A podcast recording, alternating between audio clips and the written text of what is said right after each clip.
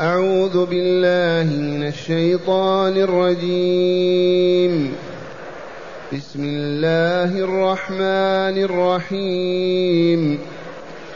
تبارك الذي نزل الفرقان على عبده ليكون للعالمين نذيرا. الذي له ملك السماوات والأرض ولم يتخذ ولدا ولم يكن له شريك ولم يكن له شريك في الملك وخلق كل شيء فقدره تقديرا واتخذوا من دونه آلهة لا يخلقون شيئا وهم يخلقون. لا يخلقون شيئا وهم يخلقون ولا يملكون لأنفسهم ضرا ولا نفعا. ولا يملكون لأنفسهم ضرا ولا نفعا ولا يملكون موتا ولا حياة ولا نشورا. أحسنت. معاشر المستمعين والمستمعات من المؤمنين والمؤمنات قول ربنا جل ذكره تبارك الذي نزل الفرقان. هذه السورة مفتتحة بهذه الجملة ونظيرها سورة في القصار المفصل تبارك الذي بيده الملك. وتبارك بمعنى تكاثرت بركته وعمت الخلائق كلها. تبارك تباركت خيراته وتكاثرت وعمت الخلائق كلها وهو كذلك. إذا أخبر تعالى عن نفسه بهذا الخبر.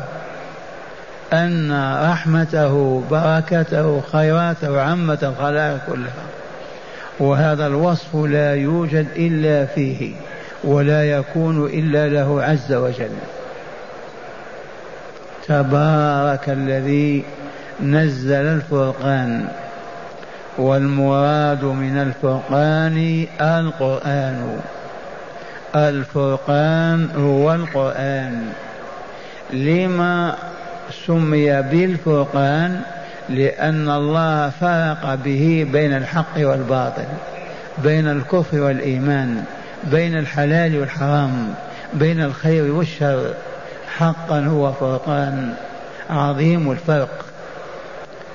لأن صيغة فعلان كظمآن شديد الظمأ غضبان قوي الغضب. كذلك فرقان كثير الفرق. القرآن فرق بين الأديان الباطلة والدين الحق. فرق بين التوحيد والشرك. فرق بين الباطل والحق بين الخير والشر. فلهذا سمي بالفرقان وهو القرآن. وسمي القرآن قرآنا لأنه كلام الله جمعت كلماته وأصبحت كلاما يقال فيه القرآن. من قرأ إذا جمع. تبارك الذي نزل الفرقان على عبده من عبده هنا إنه والله لمحمد رسول الله صلى الله عليه وسلم. والله إنه لمحمد رسول الله صلى الله عليه وسلم. وقال على عبده ولم يقل على نبيه أو على رسوله ولكن قال على عبده لأن هذا أشرف وصف لمحمد صلى الله عليه وسلم. أن ينسبه الله إليه ويقول هذا عبدي. إذا ففي هذا مدح وثناء وتشريف وإجلال وإكبار للنبي صلى الله عليه وسلم إذ اتخذه الله عبدا له. تبارك الذي نزل الفرقان بواسطة جبريل عليه السلام. آية بعد آية وصورة بعد صورة. في ثلاث وعشرين سنة اكتمل نزوله من الفاتحة إلى الناس. في ظرف ثلاثة وعشرين سنة. عشر ثلاثة عشر سنة في مكة وعشر سنين بالمدينة. اكتمل نزول القرآن. وآخر آية فيه آخر سورة إذا جاء نصر الله والفتح.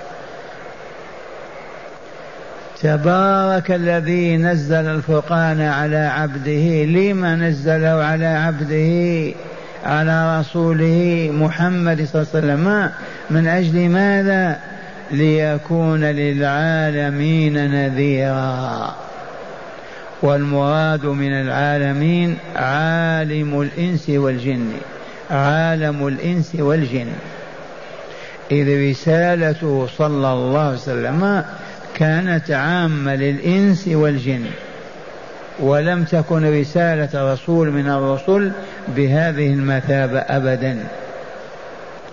فكانت الرسالات خاصة بالبشر وخاصة بأجيال دون أجيال إلا أن رسالة نوح عمت البشرية. بعد الطوفان بقيت البشرية محشورة محشورة في مكان كان نوح نبي الله ورسوله إليهم. فرسالة نوح كانت عامة للموجودين. أما رسالة محمد صلى الله عليه وسلم فهي عامة في العالمين الإنس والجن وإلى يوم القيامة. ليكون صلى الله عليه وسلم بهذا القرآن نذيرا للعالمين. والنذير الذي ينذرهم عواقب الشرك والكفر والشر والظلم والخبث والفساد فإن عواقب ذلك الخسران الأبدي. ومن هنا يجب أن يسمع اليهودي والمسيحي والبلشفي والمشرك والكافر أن رسالة محمد رسالة إليهم وأنهم مأمورون بالإيمان والعمل الصالح والتخلي والبعد عن الشرك والظلم والشر والفساد. وإلا مصيرهم جهنم والعياذ بالله. دل هذا على عموم رسالته صلى الله عليه وسلم. والبرهنة موجودة. ما كان زمان يمضي ولا يوجد فيه رسول ولا نبي.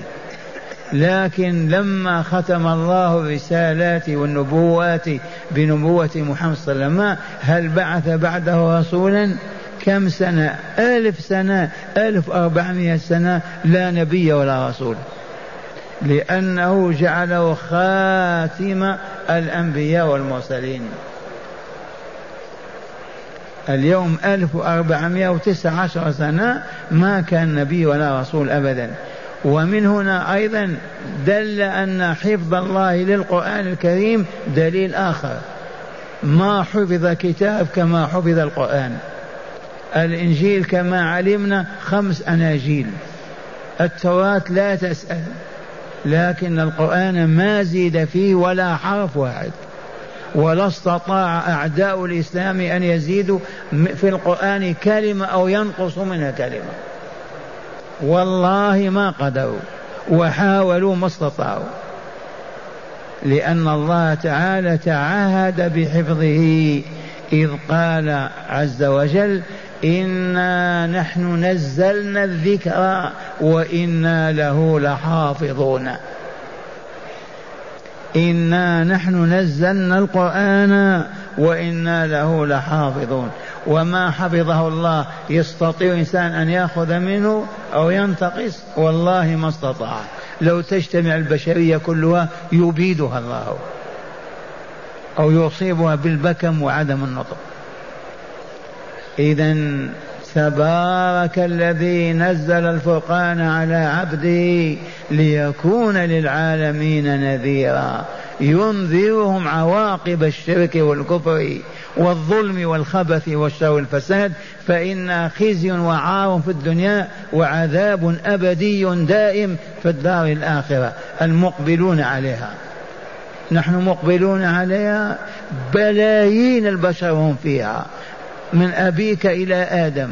بلايين الخلق. ونحن في طريقنا إليهم. ثم قال تعالى الذي له ملك السماوات والأرض. من هو الله؟ الذي تبارك ونزل الفرقان وأرسل محمدا. من هو؟ الذي له ملك السماوات والأرض. السماوات السبع والأرض وما فيهما وما بينهما لا يملكه أحد إلا الله. أشر إلى واحد يملك. يملك مئة سنة ويموت. من يملك؟ من المالك الحق؟ الله جل جلاله. هو الذي يملك ما في السماوات والأرض. يعطي ويمنع يرفع ويضع يعز ويذل. يصح ويمرض إذ هو الملك المالك لكل ما في السماوات والأرض. إذا يجب أن نتعرف إليه وأن نتحابب إليه وأن نعمل بطاعته لنسعد ولا نشقى ولنربح ولا نخسر إذ هو له ملك السماوات والأرض. فكيف نرفع كفنا إلى صنم أو حجر أو إنسان نطالبه بأن يعزنا أو ينصرنا أو يشفي مرضانا أو يطعم جائعنا؟ هذا دليل على أنه والله لا يجوز لكائن أن يسأل غير الله إذ لا يملك الكون كله إلا الله. له ملك السماوات والأرض. هذا اولا. وثانيا ولم يتخذ ولدا. ما اتخذ ولد ابدا. كيف يتخذ الولد وهو خالق الأولاد والآباء والأمهات؟ الذي يخلق الخلق يحتاج إلى ولد والذي يتخذ ولد يحتاج إلى زوجة وإلى لا تعالى الله تكون له امرأة وهو خالق النساء وخالق الرجال. ومع الأسف الآية تندد باليهود الذين قالوا العزير ابن الله وتندد بالنصارى الصليبيين الموجودين الذين قالوا عيسى ابن الله. وتندد بقبائل في العربية انتهوا وأسلموا. قالوا الملائكة بنات الله.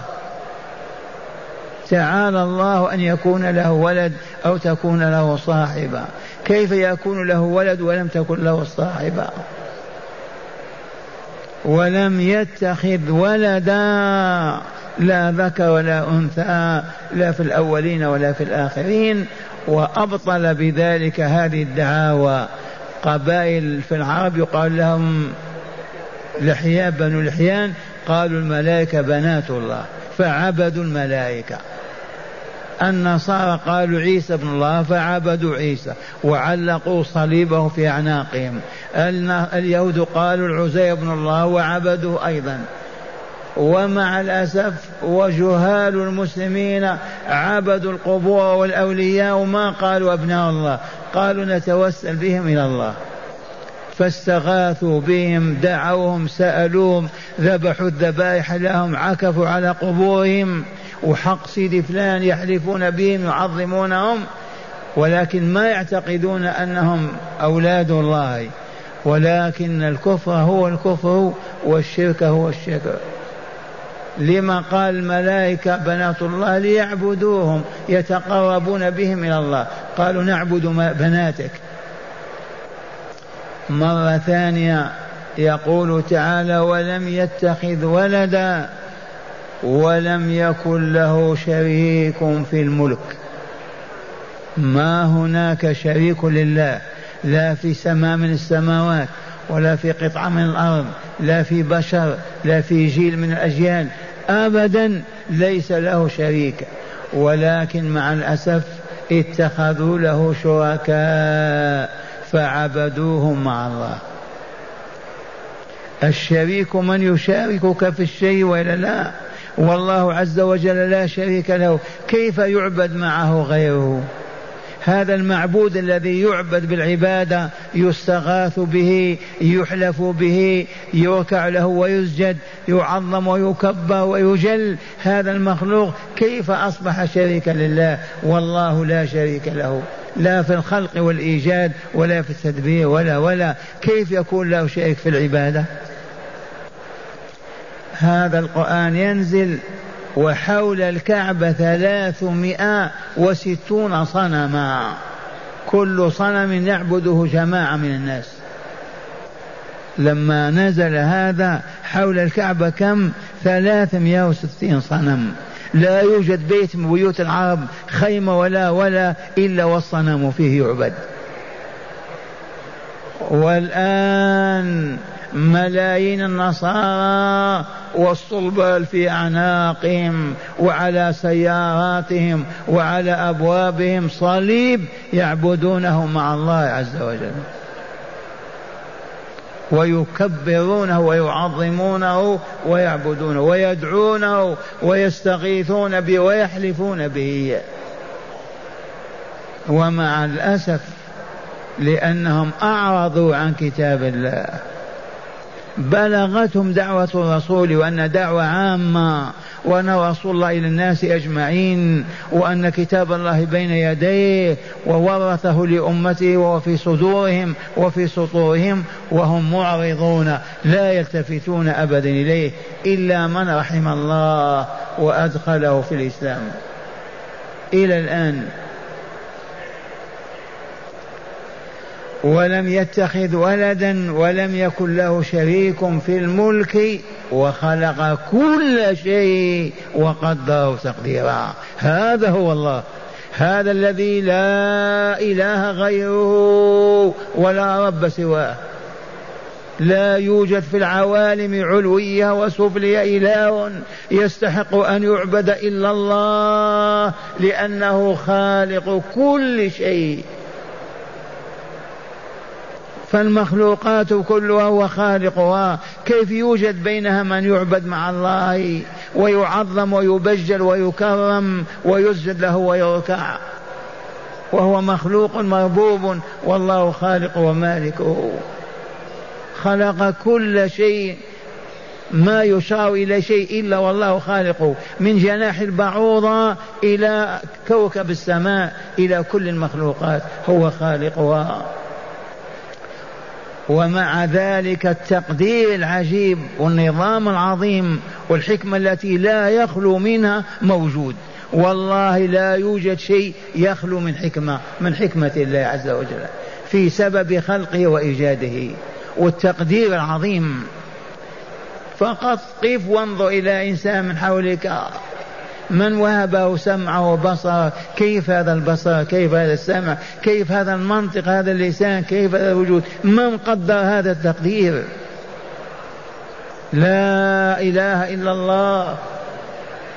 خلق كل شيء وقدره تقديرا.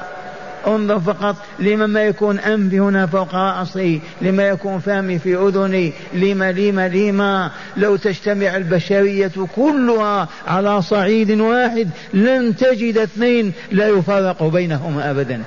قولوا لا إله إلا الله والله لا إله إلا الله. البشرية الموجودة الآن من أمريكا إلى اليابان لا يوجد اثنان هذا يدخل على مرأة هذا وهذا يدخل على مرأة هذا ولا يفرق بينهما. مع أن العينين والأذنين والفم والأنف بمعنى واحد واحد واحد لفائدة عظيمة لكن لا لا يتحدان في الصفات أبدا. حكمة عظيمة هذه ولا لا؟ لو جيل واحد مئة سنة أوجد البشرية كلها نوع واحد. ما بقي ابن ولا أب ولا حلال ولا حرام بهائم ينكح بعضها بعضا. قولوا آمنا بالله. وخلق كل شيء وقدره تقديرا. ثم قال تعالى واتخذوا من دونه آلهة. يا للأسف يا للأسف. أين يذهب بالعقول؟ أين الأبصار وأين العيون؟ هذا الله الذي سمعتم عنه اتخذوا من دونه آلهة يؤلهونها يعبدونها بالدعاء. بالاستغاثة بالحلف بها بالنذر لها بالعكوف حولها بتسميتها وهكذا اتخذوها آلهة. العرب والعجم فالشرق والغرب واتخذوا من دون آلهة هذه الآلهة لا يخلقون شيئا وهم يخلقون. أين يذهب بعقول المشركين؟ أتعبد من أتعبد من هو مخلوق؟ اعبد خالقه. ما دام مخلوقا مصنوعا اعبد صانعه كيف تعبد المخلوق؟ يقول أنا أتوسل به إلى الخالق. هذه هي الفكرة التي كفروا بها وأشركوا أتوسل به وأستشفع به حتى يعطيني ربي كل شيء. كيف تتوسل به؟ تعلم كيف تتوسل. توسل إلى الله بعبادته بحب ما يحب وكره ما يكره.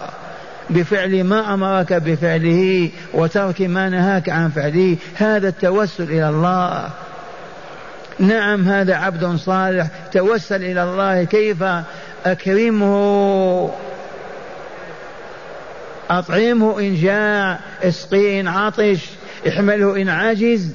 توسل به إلى الله أما أن تبني على قبره قبة وتابوت وازوار وكذا ثم تأتي وتعكف وتشيع وتجعل فيه شموع وأضواء وكذا هذا تأليه عبادة لغير الله.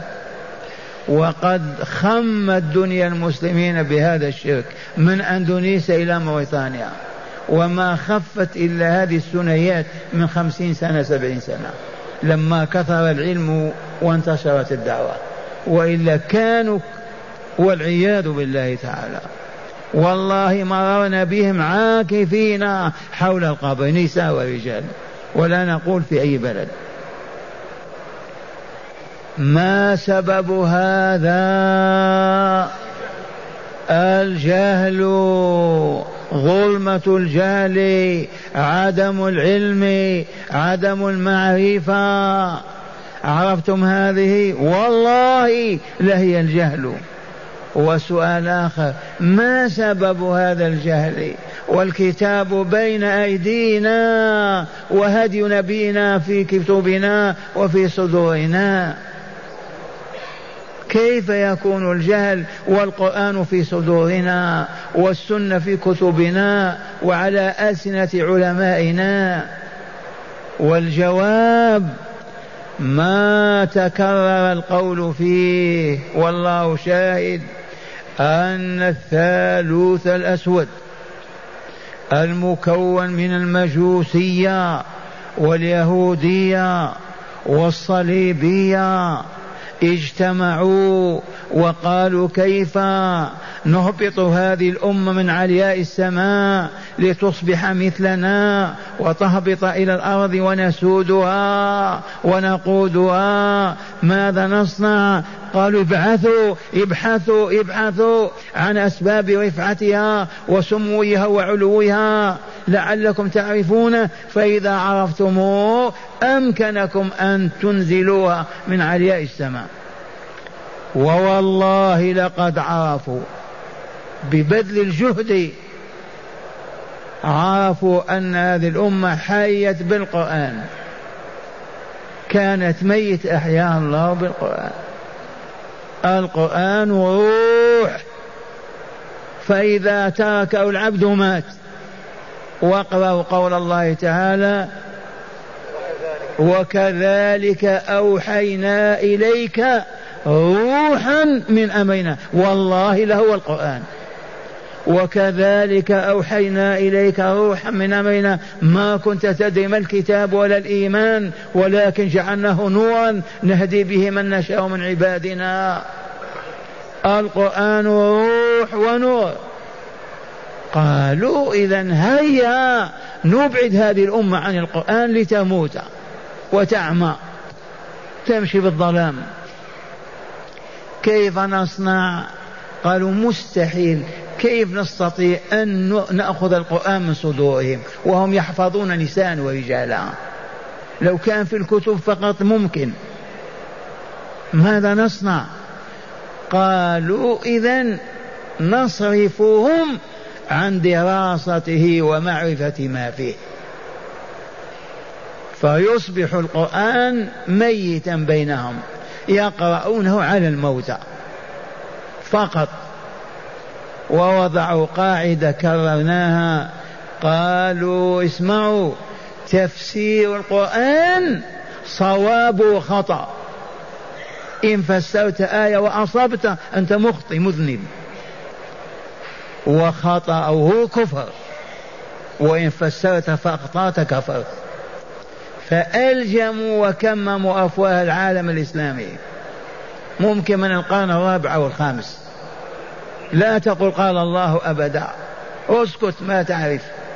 ماذا نصنع بالقرآن؟ قالوا نقرأ على الموتى. فمن أندونيسيا شرقا إلى موريطانيا غربا والناس يقرؤون القرآن على الموتى فقط. يحفظونه وهم أطفال صغار لا لشيء إلا ليقرأوا على الموتى. وإلى الآن ما زال يقرأ على الموتى.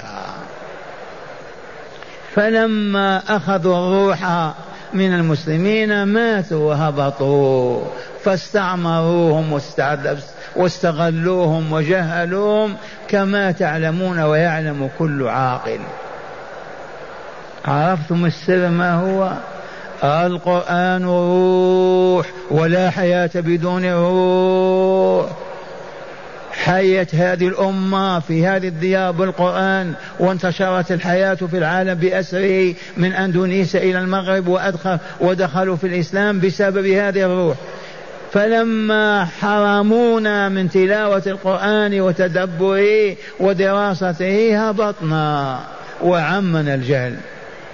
فلهذا عبد الأولياء عبدوا عبادة أكثر من عبادة الله. عبد القادر الجيلاني يعبدونه في الشرق والغرب. من اللطائف. شخص قال يا سيدي عبد القادر. قلت له من سيدي عبد القادر هذا؟ قال ولي الله. تستغيث به تناديه نعم كيف هذا؟ أنت تتلمذت له قرأت عليه. الجواب لا. بينك وبينه كم سنة؟ ألف سنة. بينك وبينه بلاده أربعة عشر آلاف كيلومتر. كيف. كيف تتخذه شيخك وتقول شيخي عبد القادر الجيلاني. واتخذوا مشايخ جهالا وضلالا وعبدوهم والعياذ بالله. ونعود إلى نقول هذه مكرة الثالوث المجوس واليهود والنصارى. وما زالوا والله إلى الآن يعملون على إبعادنا عن الإسلام. بتنظيم عجب. إذا واتخذوا من دونه آلهة اسمع آلهة لا يخلقون شيئا ولو جناح بعوضة. وهم في أنفسهم يخلقون مخلوقون. كيف الذي هو مخلوق يعبد؟ كيف الذي لا يخلق شيئا في الكون هذه في الكون هذا لا يخلق شيئا؟ كيف يعبد؟ ما معنى يعبد؟ كيف يعكف على قبره؟ كيف يعلق في في عنقه؟ كيف يدعى؟ كيف يستغاث به؟ كيف يحلف به؟ بأي حق هذا؟ واتخذوا من دون آه لا يخلقون شيئا وهم يخلقون أيضا ولا يملكون لأنفسهم ولا لغيرهم ضرا ولا نفعا. هل هناك من يملك ضرا عن نفسه يدفع عن نفسه أو خيرا يجلبه لها؟ الجواب لا. الفاعل هو الله عز وجل. فمن عبدوهم دون الله لا يملكون ضرا ولا نفعا لا لأنفسهم ولا لعابديهم أبدا. هذا إخبار الله. والله أصدق من يخبر. والله لا يملكون لأنفسهم ضرا ولا نفعا. الصليب هذا المعلق في العنق يملك شيئا لنفسه؟ ضر أو نفع ما يملك. يملك لصاحبه والله ما يملك شيئا. وأخيرا ولا يملكون موتا ولا حياة ولا نشورا. الذي ما يحيي ولا يميت كيف يعبد؟ الذي نذل له ونخضع ونطيعه وننصاع له إذا كان يخلق. ويوجد الخلق أمامنا نعظمه ونعبده. الذي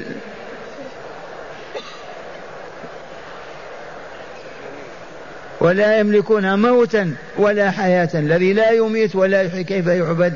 ولا نشورا والمراد من النشور الحياة بعد الموت. وهو يوم القيامة يتم هذا فيه. النشور الحياة بعد الموت. ينشرون الله عز وجل يخرجون من الأرض. ويقال في يوم النشور يوم القيامة يوم الساعة. هكذا يقول تعالى وقوله الحق يندد بالمشركين والكافرين وعبدة الأصنام وعبدة البشر يقول ولا يملكون لأنفسهم ضرا ولا نفعا ولا يملكون موتا ولا حياة ولا نشورا. كيف يعبدون؟ معاشر المستمعين إليكم شرح الآيات من الكتاب لتزدادوا علما وبصيرا. معنى الآيات يثني الرب تبارك وتعالى على نفسه. أثنى على نفسه فقال تبارك. يثني تعالى على نفسه بأنه عظ بأنه بأنه عظم خيره وعمت بركته المخلوقات كلها.